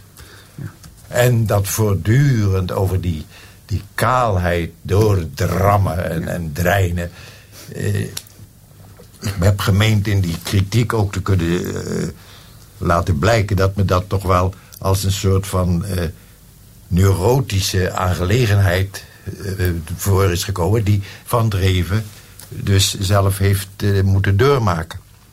En ja. Maar ziet u daar eh, nu, hè? we zijn nu 30 jaar Ja, verder, u ja. hebt het boek herlezen, zeg maar, Ja. van de week. Ja. Ziet u daar juist van eh, die kaalhoofdigheid en dat voortdurend zeuren erover, niet de ironie van in? Dus eh, ja. Jawel, maar dan, dan moet ik rekening houden met wat naderhand dus van, bij Van Dreven gebleken is. Toen de, de, de avonden uitkwam, toen wisten we nog niet van de ironische toon. Hè. En eh, dat, dat eh, maakte die kaalhoofdigheid veel meer de indruk van... eh, Obsessie. Een obsessie. Hè. En, en, een- en een soort van doodsangst. Ik vond het niet ironisch. Ik heb het nooit ironisch Ja, gevonden. daar ont- Ja, vond ik heb ik het, heb het beangstigend Ja, gevonden. ik vond het zelfs humorloos, meneer Bulthuis. heeft Ja, ik, ik vond dat geen echte humor. Nee, ik Nee, vond maar het het is ook geen zo humor. krampachtig en zo, eh, Ja. zo gespannen dat het is geen humor. Als je humor, wil- dan humor wil zeggen, dat je er overheen kan gaan. Ja. Dat je, er, dat je het dacht- overwonnen hebt, om zo te zeggen. Dat je het door hebt. Amsterdam, de kleine reunie van Joop, Jaap en Victor. Maar dat eindeloze gepraat over kaalhoofdigheid bijvoorbeeld. Hè? Dat deed hij werkelijk, hè? Ja. Dat was precies, dat deed hij altijd. Als hij mij zag, begon hij altijd weer te zeuren over wat wel kaal. En, toen werd ik helemaal, nu ben ik kaal, maar toen was het helemaal nog niet. Nee, ik was de enige die toen kaal Jij was kaal. En Jan-Erik had ook wel... Jan-Erik begon ook een beetje dun te worden. ja. Maar het zal bij mij is het niet echt niet één keer, ook niet in positieve zin. Hij zegt niet tegen Victor, ik zal nooit, ik jij zal nooit eh, kaal worden of zo. Of bij jou slaat de kaalhoofdigheid niet toe of woorden van dergelijke. naar binnen. Maar Ja. voor de oude critici eh, vallen dit soort opmerkingen onder de categorie eh flauwekul en eh, vervelend. Ja, maar dat blijkt ook. Ik dacht dat het Gezeur. Stuiveling was. Gezeur. Die ook gezeur, ja. iets zei van de neus snuiten in stoelen en zo. Nee, Terwijl dat hij. onder de ja, kant van die stoel. Ja, als hij dat nou maar. Maar hij heeft niet in de gaten dat dat een heel typisch, eh, ja, een heel, heel apart, eh, vrij zorgvuldig procedé is. Van dat uit je neus halen en dat onder aan die stoelen. Wat duizenden mensen doen en wat daar voor het eerst in de gehele wereldliteratuur prachtig is beschreven. Daar, daar, daar zat de 20e eeuw op te wachten. En dat heeft Gerard beschreven. Als hij dat, dat alleen al is een gave. Ja? Maar dat heeft Stuiveling, dat, dat, dat vindt hij op zijn socialistische boerenbond vindt hij dat smerig. De ironie, hè, waar, daar hebben we het ook met de heren critici over gehad. Kijk, ze vinden dat boek dus in het geheel niet geestig. Dan wordt ook door, is door de critici ook in het geheel niet om gelachen. Humorloos wordt er Ja, gezegd. daarentegen. Ja. Ik heb toch weer gelachen toen Ik heb, me, ja, ik heb gisteravond nog een stuk. Want er zijn weinig schrijvers waarom ik in mijn eentje lach. Dat komt heel weinig voor. Een van de weinige schrijvers is- Carmichelt bijvoorbeeld. Ja? Daar lach ik om. En als ik een nieuwe Carmichelt krijg met Sinterklaas... van mijn vrouw altijd een nieuwe Carmichelt... en die begin ik meteen te lezen... en dan, dan schudt het bed. Ja? En gisteravond lag ik ook te hinniken. Waar mijn vrouw zegt, je leest toch geen Carmichelt? Nee, zei ik, ik lees Gerardje. Oh, ja? Zo moest ik om, om iets verschrikkelijk lachen. Maar dat was ook bij anderen laat, na de oorlog. Bij, dat begrepen die, die mensen van in dat vreemde, die om dat vreemde subculturele scene-achtige kringje waar wij in leefden, toen begrepen Gerard ook niet, begrepen ons ook niet. Als Gerardje midden in een gesprek zei. Eh, als de augurken rijp zijn, moet men een kleine jongen erboven sturen. ja, ja. Dat is nog steeds een goede. Ja, dat is nog steeds een prachtige. Daar moesten wij verschrikkelijk lachen. Zo, we hem kenden. Of eh, weet je nog van de winter van 29 toen ik je in de deken naar school bracht. Maar dan zaten de mensen daar zaten helemaal verbijsterd te kijken. Van waar heeft hij het over? Ja? Nou, of Lucas, iemand komt, komt binnen en die is in Texel geweest. En, die begint en dan zegt Lucas tegen hem... Je bent op het eiland Texel geweest. Vertel het maar in je eigen woorden. Dat heb ik dus sinds die tijd, als iemand ergens geweest is... dan zeg ik altijd weer... Dus iemand die is in Moskou geweest, of in Siberië geweest... of in Spanje geweest. zeg ik je bent dus in Siberië geweest. Vertel het maar in je eigen woorden. dat, is, dat is vast, dat kan niet anders. Hij kon ook... Nou, als Zuiveling dat niet leuk vindt, ja, wat vindt hij dan wel leuk dan? Maar moest u meteen al lachen? Want u, ik, ik heb begrepen dat u bijvoorbeeld het boek al las voordat het werd uitgegeven. Ja, hè? elk hoofdstuk werd bij mij thuis voorgelezen en dan lag ik om de, onder de tafel van het lachen. Ja, hij keek ook zeer verwachtingsvol op, hè, voortdurend. Van, eh, Uh, volg je het nog, Robert? Vind je het wel leuk? ja, zal ik doorgaan? Ik zei, ja, natuurlijk moet je doorgaan. Maar hoe komt het dan toch dat niet alleen Stuiveling, waar we het natuurlijk nu veel over hebben, maar überhaupt in die tijd dat boek niet onmiddellijk als bijzonder geestig werd ervaren? Want zelfs mensen die het wel positief uh, bekritiseerden, bijvoorbeeld uh, Vestdijk, om maar eens iemand te noemen, mhm. die vond dat dan nog niet echt bijzonder geestig. Ik bedoel, die ironie die daarin speelt, was misschien toch betrekkelijk nieuw. Mijn huiskameranalyse is dat ze het bedreigend vonden. Dat hier een heel nieuwe mentaliteit aan de orde kwam, dat de kwaliteit daarvan onmiskenbaar was dat ook de, het succes onmiskenbaar was. Want het boek heeft van het verschijnen af een groot succes gehad. Heeft het nog bij jonge mensen. En ik geloof dat de mensen, omdat er dus een aantal dingen nogal fel aan de orde worden gesteld. Zaken die in het huiselijk milieu spelen. De afstand die er tussen ouders en kinderen kan bestaan. Allerlei dingen die kinderen zien waarvan ouders zich niet zo bewust zijn dat ze ze zien. Dat dat een beetje bedreigend werkt. Ja. Bovendien was, was Vestdijk was A, een generatie ouder. B, geen humorist. En maar Bomans bijvoorbeeld wel. Hè? En die vond het ook al meteen van ja, zo. Uh, je kunt toch wel met een plezier, op een plezierige manier aan je jeugd terugdenken. Hè? Nou ja, maar het heeft ook een ontzettend. Maar was enthousiast. Het heeft toch een ontzettend deprimerende indruk, maakt natuurlijk toch. Dat is de hoofdindruk natuurlijk. Ja, een grote wanhoop en ellende komt het, stijgt er uit het boek toch op. Een ramp, iets Dat fokt hij ook wel op. Hij, hij, natuurlijk. Ja, want hij, al zijn gedachten zijn ook als zijn teksten met een dubbele bodem. Ja, jawel. Hij weet nooit hoe katholiek, hoe communistisch, hoe homofiel, hoe dit, hoe dat hij is. Daar kom je nooit maar van zijn leven achter. homofiel is hij toch wel. dat nemen we wel aan. En zo pro-communistisch is hij ook niet, toch? Nee, maar dat is wel zo. is hij zeker Nee, zo erg katholiek. zo erg katholiek is hij ook niet. Maar hoe komt het dan dat, dat uh, u dat niet heeft? Op, uh, ja, maar even ouder, dat anticommunisme bijvoorbeeld. Nou, verschil in karakter. Gewoon dat hij het allemaal veel ellendiger beleefd heeft dan ik. Ik heb dus aan het ouderlijk huis, ja... Die dingen die hij beschrijft, die heb ik ook wel meegemaakt natuurlijk. Maar ik heb daarnaast een heleboel ontzettend aardige herinneringen. Gerard was betrekkelijk weinig geïnteresseerd in, uh, in allerlei zaken. Als, als de politiek, die was besmet voor hem door die CPN. een deel van, groot deel van de literatuur was besmet voor hem. en hij leest nog steeds vermoedelijk vrij weinig, denk ik. Maar toen hij dit schreef, had, toen, hij, had, hij bijna, had hij bijna niks gelezen. Ja, hij las... Uh, Celine had hij gelezen. Celine, dat vond hij prachtig. En hij las... Uh, ik, heb, ik heb hem... De kous, kous met Billy aan, berenjager, een grote zak. Dat was het. En de kleine, de kleine zenuwleier, dat, uh, dat boekje wat ik hem toegegeven heb, dat heette De Kleine Neurasthenicus. Handleiding tot een inordentelijk leven. Een prachtig boekje. Uh, en dat, uh, ja, daar citeerde hij veel uit, maar een gewoon ordentelijk boek. Nee. En nou, daar, hij kreeg een zekere, ja, dat zullen de critici dan noemen, morbide belangstelling voor allerlei menselijke, treurig, pessimistisch menselijke zaken. Nou, daar heeft hij zijn voordeel mee gedaan. Hij maakte zeer veel pijnlijke momenten mee. Dat moet hij wel. trok ze aan. En ja. Hij trok ze aan. En hij bouwde dat uit. Hij fantaseerde daarover en construeerde dat ook. En dat kan je in die avonden merken. Dat de verhoudingen tot alle mensen die hij daarin beschrijft... zijn in zekere zin constructies. En aan de andere kant volstrekt levensecht. En er is niets in gelogen. Er is niets aan onwaarheid in. Want hij is eerlijk als goud wat dat betreft. Ja, er is wat, maar het zijn wel constructies. Wat, wat gemengd met de anekdotes. Ja, de anekdotes dus zijn wat, wat verschoven. verschoven. Maar, dat is het enige... Je kan niet zeggen, dit is nooit gezegd of dit zou nooit gezegd nee. kunnen. Dat kan je niet zeggen. Nee. Of ook niet, dit is nooit gebeurd. Het zelfs. auteurschap van de uitspraken, daar heeft hij mee geschoven. Ja. Zoals met Daar heeft hij mee gecomponeerd. Ja, dat is zo. Eigenlijk is er misschien nog nooit een realistischer boek geschreven.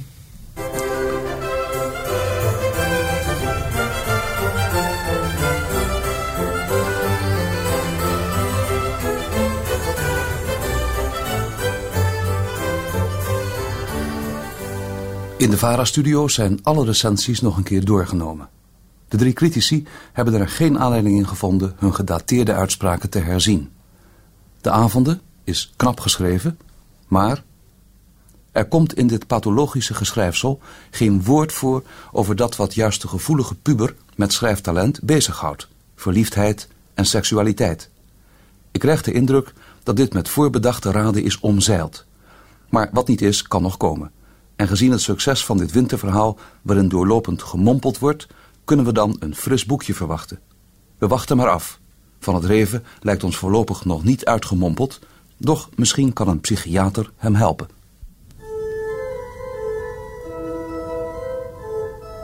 Konijn, zei hij, het konijn op de arm nemend. Je straf is ingetrokken, gezien je grote verdiensten voor de zaak. Hij zette het dier op de schrijftafel, sloot de gordijnen en begon zich uit te kleden.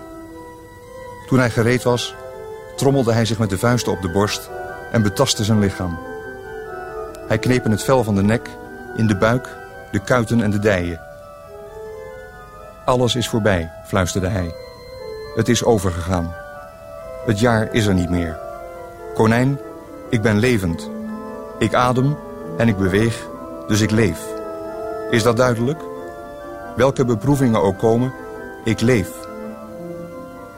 Hij zoog de borst vol adem en stapte in bed. Het is gezien, mompelde hij. Het is niet onopgemerkt gebleven.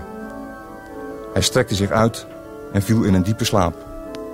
Waar veel mensen ook uh, op vielen, of overvielen moet ik ook zeggen, is dat er zogenaamd geen seksualiteit in het boek voorkomt. Hè? Nee, dat is waar. Nou. Ja, ja jij kan met dat konijn komen. Maar, ja. Maar eh, kijk, in die tijd was dat niet gebruikelijk, zeker niet. Nou ja, je moet me niet voortdurend van sodomie betichten, maar... ja, het was in arbeiderskringen en socialistische kringen uh, was nee, seks... literaire kringen. Kijk, hij kon niet... Kijk, hij had geen vrouw waar hij mee naar bed ging. Niet in die tijd. Zoveel is zeker. Dat dacht ik... Nee, er was nog... noem dan eens, nou, is, dan eens op. Ja, dat weet ik niet. Ik heb voor Hanny nog wel eens een, een soort groene dame gezien. Hoe heette ze? Iets van Tine? Ja, zo? maar die was toen alweer weg. Oh, die was, Ja, die was toen alweer weg. Die was daarvoor. Dat was in het eind van de oorlog. Eind van de oorlog, hè? Ja, Ja, ja, dat was ja. het eind eind van de Ja, oorlog. ja. Maar er was, ik geloof niet In dat die er iets tijd... was. Nee, was er... Nee. Dan hoeft dat niet je belangstelling voor de seksualiteit te doden. Nee, dat is wat. Maar kijk, dat zou ook niet kunnen, want dan zouden er interessantere dingen gebeuren dan die wanhopige dialogen waar het boek uit bestaat. En die konden er niet in. Als er, iets, als er zelfs één behoorlijk, nou hoogstens gegeten wordt er nog. Dat hij zegt, het was lekker die aardappels. Met die vette jus. Ja. Maar verder gebeurt er absoluut niets interessants. Op die krant moet natuurlijk ieder ogenblik iets buitengewoon leuks gebeurd zijn. Iets interessants. Niet voor een jongen van 23 jaar. Ik bedoel, als jij en ik op het parool zouden zitten... zou wellicht per dag wel één interessant ding gebeuren, niet? Nou, Dat gebeurde bij hem ook. Want er vertelde niet toch ook? nog, nog veel meer. Maar eh, daar vertelde hij Daar ook vertelde over. hij zeer smakelijk Maar in het over, boek ja. kan dat niet. En zo kan ook niet een of andere i- seksuele relatie in het boek. Dat zou niet gekund hebben, gewoon omdat dan de rest van het boek neer zou vallen. Nou, ik kon het merkwaardige aardige van dat boek is ook, nu je dit zegt... alles wat er in dat boek beschreven wordt... zijn avonturen van anderen.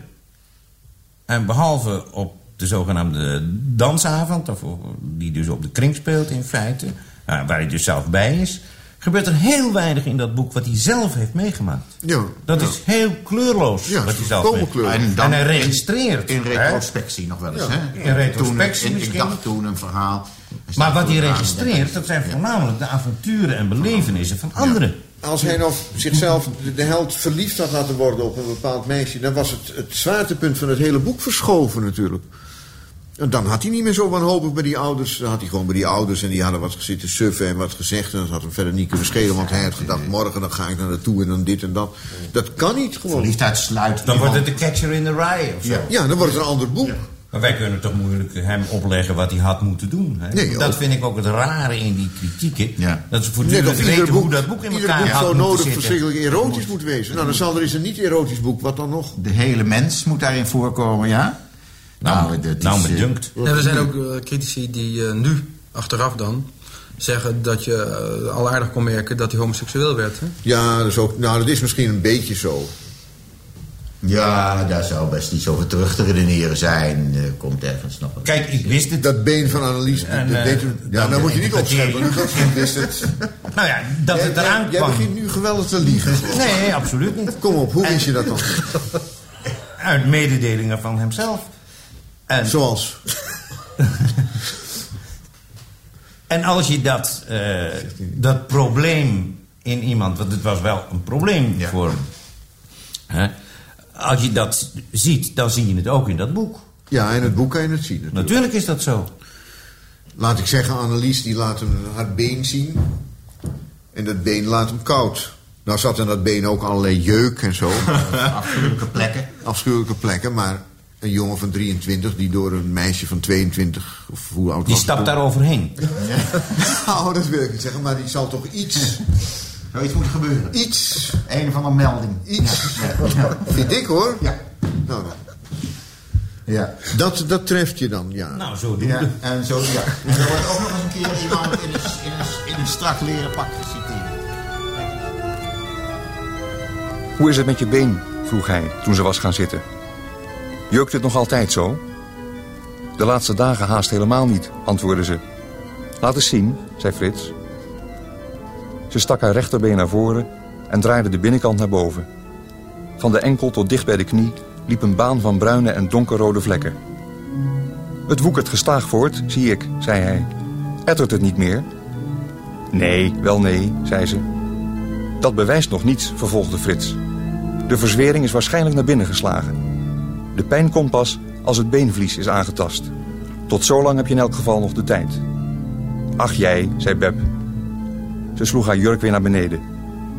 Natuurlijk, ernstige waarschuwing in de wind slaan, zei hij. Maar op een goede dag moet je op een stoeltje. Hij wiegde heen en weer. Langs de deuren, net als het mannetje dat elk jaar komt. Dat weet je toch wel? Die had geen benen of bijna geen benen. Nee, ze waren lam. Hij ging met potloden langs de huizen op een stoeltje... dat hij aldoor van de ene poot op de andere wrikte. Ik ben het mannetje dat elk jaar komt. Kwam die nooit bij jullie in de buurt? Nee, zei Beb. Maar geldt het voor meer dingen van eh, hoe Reven uiteindelijk Reven geworden is? Dat je kunt zeggen, nou dat was... In Ja, voor het katholicisme komt er al aan. Nou ja, het katholicisme bijvoorbeeld. Hè, die, die binding met God heeft hij heel duidelijk, wordt voortdurend aangeroepen. Ja, maar die religieuze... eh, stri- hoe noem je dat? Religieuze streak? Nou, Neiging. Tik. Neiging, tik. Ja. Die had hij al als jongetje van 11 jaar toen hij naar, eh, naar in de Watergesmeer naar een bepaalde kerk ging. En daar de, in, was trouwens een protestant of een gereformeerde kerk, weet ik niet meer precies, maar een protestantenkerk. En daar ging hij naartoe zondags. En hij las ook graag in de familiekring voor uit de, uit de openbaring van Johannes. Toen hij heel klein was. Dus het beest met de zeven koninklijke Ja, hoeden en zo. maar kon dat hij- citeer ken je uit zijn hoofd. Dat kon, had hij hele grote stukken van de openbaring kende hij uit zijn hoofd. Vond hij prachtig. Maar dat kwam niet uit, uit het gezin van het Nee, zelf voor. Nee, want het enige wat bij ons, wat mijn vader wel eens te reciteren, waren stukken van de prediker bijvoorbeeld, of het hooglied. Maar het waren dus volstrekt areligieuze passages uit het Heilige Schrift, als je dat zo zou kunnen noemen. Ja, je kunt dat natuurlijk religieus interpreteren als je dat wil. Nee, nee, nee. Oh, oh, oh. Maar, je bent akkoord. Maar Gerard, die, die, nam, die, nam, die nam die apocalypse, dat vond hij prachtig. En dan ging je naartoe. Dat, en, hij had, en ik heb nog steeds de Bijbel die hij toen had. Die, die, die, die, die, hij had een Bijbel, terwijl er in ons huis eigenlijk geen Bijbel was. Dus hij had al een hij had die religieuze tik. Die had Hij, heeft, hij kwam eens bij mij op bezoek toen we in de Kromme Meijderstraat woonden. Dat was al geruime tijd na de publicatie van het boek. Eh, want dat was in 47 en wij woonden daar pas in 50. En eh, dat had een gruwelijk uitzicht achter op de fa- autofabriek De Spijker. Hè, daar zag je daar. Die, die, die, dat was later de papierfabriek van weet ik veel. Aan de Amstel bestaat allemaal niet meer. Maar het was een heel naar uitzicht met glazen daken. En toen stond ik keer op het balkon. En zei hij, wat een prachtig uitzicht. Zullen wij samen bidden, Robert? en, eh, ja, ik dacht, ik dacht, wat krijgen we nou? En dat zei ik ook. Maar, en, eh, hij, is hij ook bidden. Ja. Krijgen we nog? hij, hij had iets heel eh, serieus daarbij. Maar ja, dan trok toch, net zoals dat bij jou, want het is een reventrekje... trok dan toch een beetje die mondhoek zo'n beetje met dat lachen.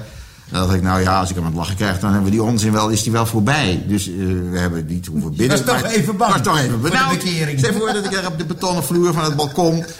eh, daar had moeten bidden voor dat glazen dak van die rotfabriek. Ja, dat- maar ja, zo malotig was hij dan plotseling. En, en met iets heel dwingends. We naderen tien uur, zei Frits bij zichzelf. Straks gaan we het voorbij. Dan nog even moed houden tot elf uur. Dan is het eigenlijk gebeurd. Hij stapelde zijn rechtervuist op tafel bovenop de linker en legde zijn voorhoofd erop. Na vijf minuten richtte hij zich weer op. Een stilstaand gesprek is gevaarlijk, dacht hij. Al is een vraag volstrekt zinloos, het is beter dan niets. Vader, zei hij luid. Vader? De man richtte zich op. Het is niet erg om ongelukkig te zijn, dacht Frits. Maar hoe moet het een mens te moeder zijn als hij weet dat nergens buiten hemzelf schuld is aan te wijzen? Het graf gaapt, de tijd zoemt en nergens is redding. Men blijft het maar lezen. Ja, dat is al, komt, omdat het heel eenvoudig gemaakt is. Hij komt van zijn werk, komt thuis, gaat naar vrienden toe, gaat naar bed, droomt iets. En daar zijn betrekkelijk die, die idiote dialogen met die mensen. Het vertellen van anekdotes, zijn gevoel van wanhoop. En daar is het uit gemaakt. En dat dan heel strak volgehouden. En al die andere dingen eruit halen. Wat heel knap is. Ja, en, iedereen- dan moet bij dat gevoel van wanhoop nog aangetekend worden... dat dat niet echt een voortdurend bestaand en acuut gevoel van wanhoop was. We hebben ontzaglijk gelachen in de periode dat maar avonden dat- geschreven ja, natuurlijk. En ook onder het voorlezen, ook onder het bespreken Ja, van... natuurlijk. kan die zin wel of niet? Ja, dat weet ik. Want dat het dus tegelijk zo is dat als je het Hij leest... kon dat objectiveren. Ja, en daardoor kon het worden geloogd en ingedroogd. ja, natuurlijk. Het moest ook zo zijn dat je het met genoegen kon lezen. Precies. Ja, natuurlijk. En daar had hij een ontzettend goed gevoel voor. Ja, en dat wist hij. hoe dat Hij heeft bij al die anekdotes ook inderdaad dat indikkingsproces gebruikt. Hij heeft ze kort gemaakt. Veel korter dan ze verteld werden vaak. Ja. En hij heeft heel, heel bewust, ik zou mij nog mijn best moeten doen... maar ik denk dat het maar zou lukken dat ik anekdotes zou kunnen bedenken uit die tijd... die er, die er niet ingekomen zijn, die afgekeurd zijn. Ja. En eh, dat... Dat eh, zei hij ook eens. precies. Dan vertelde hij een anekdote en die was echt gebeurd. Iets krankzinnigs. En dan zei hij, kan ik niet gebruiken. Ja, natuurlijk. Daar had hij gevoel voor. Ja. Maar hij luisterde wel met het oog van de gebruiker. Mhm. Ja, had ook dat blok. Nou, ja, de, de, de, de een, het deed mij heel denken aan, aan wat, eh, wat eh, Chris van Geel eh, altijd. Die liep er ook altijd met een luciferdoosje. Of met een sigarettenvloeitje waar hij was een aantekening op maakte. Nou, dat, eh, dat heeft Gerard ook altijd gehad. Hè? Even iets opschrijven. Ik vond trouwens een citaat bij Chris van Geel. In, in een interview van, eh, hoe heet ze nou? Ellie de Waard. Ellie. Die schrijft dat, hij dan, dat ze dan bezig waren met gedichten opschrijven en zo. Of dingen in ordenen. En dan zei hij, het graf gaapt. We moeten voortmaken om dat allemaal op te schrijven. Het graf, maar de, de woorden het graf gaat staan in de avond.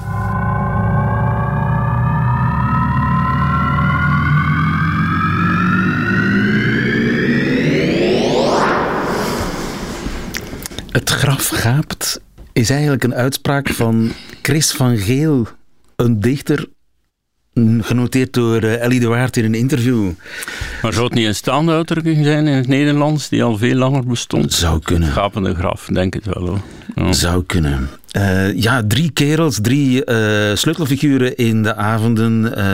Lucas van der Land en, en Victor Poort en Joop van Echters. Eh, in, eh, in een vrolijke reunie. Er is trouwens ook een, een boekje van gekomen, hè, een kleine reunie. Eh, radio uit eh, 1979 van de VARA. Heerlijk om naar te luisteren, toch? Hè? Ja, absoluut. Als je dan die drie eh, sleutelfiguren uit het boek plaatst eh, tegenover die drie critici. Ja. Nou, dan valt op dat die drie mensen niet te maken hebben gehad met Reven en met heel die, die, die toestand eh, die geleid heeft tot de avonden. Dat die er allemaal nog goed kunnen mee lachen. En dat die drie critici, dertig jaar na een zure kritiek, nog altijd even zuur zijn en blijven beweren dat er geen ironie en humor in zit. Merkwaardig, hè? En dan kom je tot het besluit eh, dat iemand die geen gevoel voor humor heeft, op zijn twintigste het allicht op zijn tachtigste nog niet zal hebben. Ja. Of omgekeerd. Wat mij ook opviel is de liefde waarmee ze over Gerard praten. Ja. Hun intelligentie, Te- hun, ja, hun verbaliteit. Het, het moet, het moet een gouden eh, groep geweest zijn. Ja, het zijn geleerde heren ook. Hè. Maar als je dat, dat afweegt ten opzichte van eh, wat Reven allemaal heeft gezegd over zijn broer. Ja. Toen al, dan is die broer eh, heel mild, is die Karel heel mild. Hè. Ja. Gerard heeft heel lelijke dingen gezegd over zijn broer. Ja, maar toch kan je ook weer denken van, is dat niet een van eh, zijn, zijn fantasie, of eh, zijn, zijn overdrijvingen, weet je wel. Of zijn leugens gewoonweg. Hè. Hij heeft gediend in het leger van eh, de koningin, hij heeft de koningin ontmoet. Dit en dat, allemaal die verhalen waarvan men denkt, hè, de typische revenvraag van, meent hij het nou of meent hij het niet?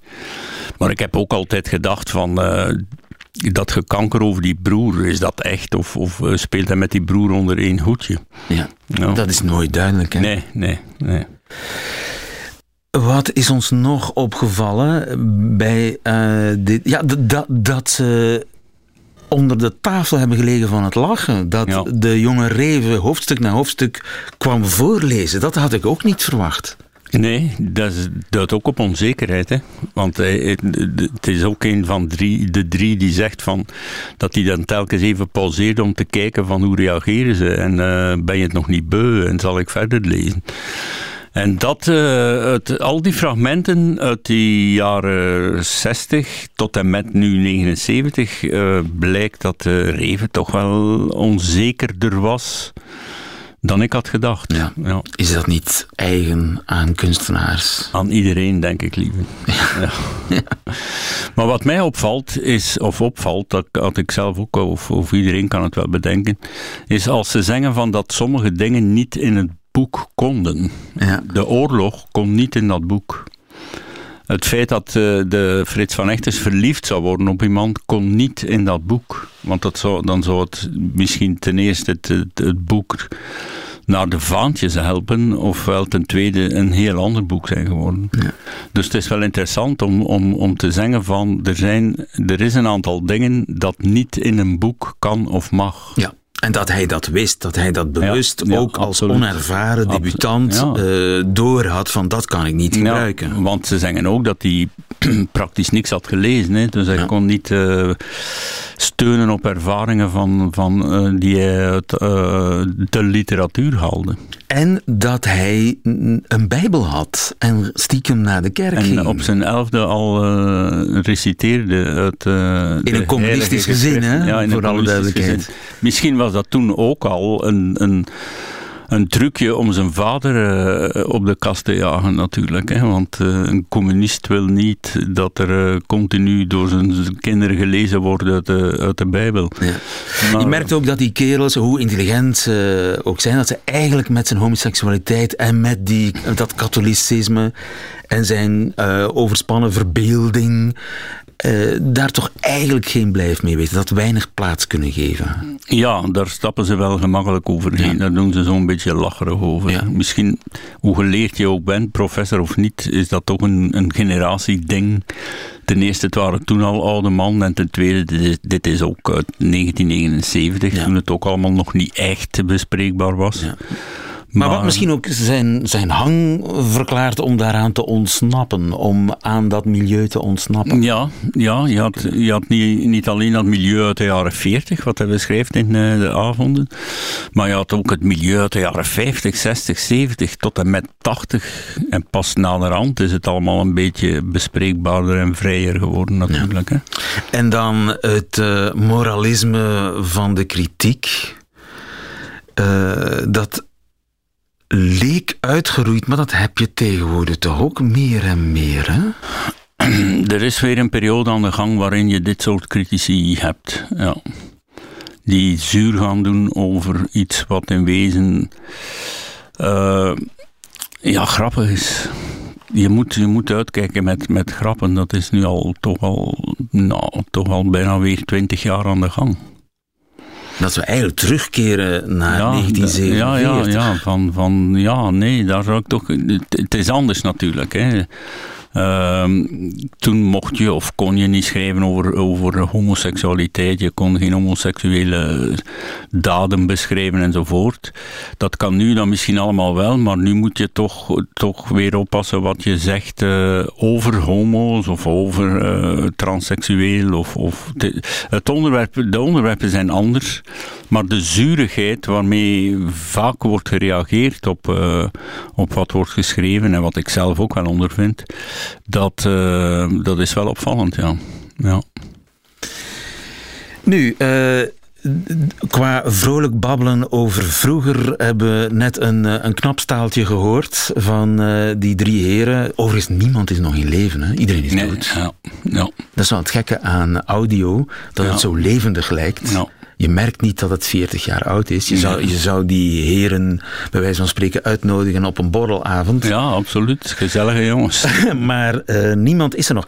Nu, uh, Reven zelf, zoals gezegd, die, uh, die was daar niet toe te verleiden tot een gesprek over vroeger. En hij legt ook uit waarom.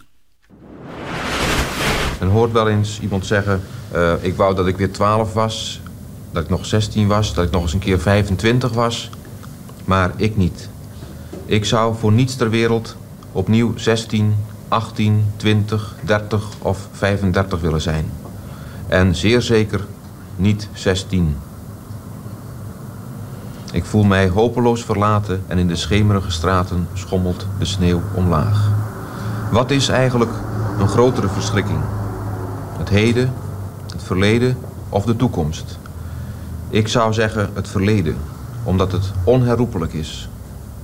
Men behoeft echter niet geheel weerloos aan het verleden overgeleverd te zijn als men, het, als men in zou kunnen slagen het uh, te overmeesteren, te onderwerpen, te bezweren, door het op schrift neer te dwingen. Ja, het verleden is het ergst. Om het op schrift neer te dwingen, dat is mooi hè. Ja. Uh, ja, het is, uh, te zien welk verleden je gehad hebt natuurlijk. Hè. Maar het is inderdaad vaak zo bij kunstenaars dat ze ofwel een moeilijk verleden hebben gehad, ofwel het naderhand uh, kneden tot iets wat moeilijk was. Want een, een goed boek schrijven over iets fantastisch, dat is bijna onmogelijk. Ja. En uh, hij praatte dan wel niet over het verleden, maar hij schreef er wel over. Het is, het is uh, eigenlijk de grondstof van zijn, uh, van zijn literaire ja, zeker, arbeid geweest. Zeker, ja. Ik vond die regel ook zo mooi. Het komt eigenlijk uit een jeugdgedicht van hem. Hè? Ik voel mij hopeloos verlaten en in de schemerige straten schommelt de sneeuw ja. omlaag. Mooi. 1939 heeft hij dat geschreven. Hij was toen 16. Herman, ik moet jou heel erg danken. Uh... Zonder dank, lieve. Ik, uh, ik praat graag uh, over Reven, praat graag met jou, praat graag in de studio in Gent. Dus alles oké. Okay. We hebben Reven tot leven gebracht. We eindigen met een gedicht. Dat heet Loos Alarmant Reven, is ook een dichter. Hij noemde zichzelf altijd een beetje schamper zondagsdichter. Ja. Maar ik denk dat hij ook dat niet 100% meende. Dit is het gedicht Loos Alarm. Kunstbroeder Carmichelt zag mij eens, jaren geleden... vrolijk op straat, met vrienden schertsend en lachend... vlak bij een cinema, en dacht... het lijkt waarachtig wel of hij gelukkig is... Wat fijn, wat heerlijk voor die jongen. Maar wat rampzalig voor de literatuur. Ja, zo is het toch? Ja. Ik kan maar beter niet te gelukkig zijn als kunstenaar. Einde van deze Reven tot Leven met dank aan de AVRO, de VARA en de NTR voor het ter beschikking stellen van het prachtige archiefmateriaal. Dank ook aan Herman Brusselmans. En kunt u niet genoeg van Reven krijgen? Er zijn nog negen andere afleveringen van deze podcast. Tot een volgende keer.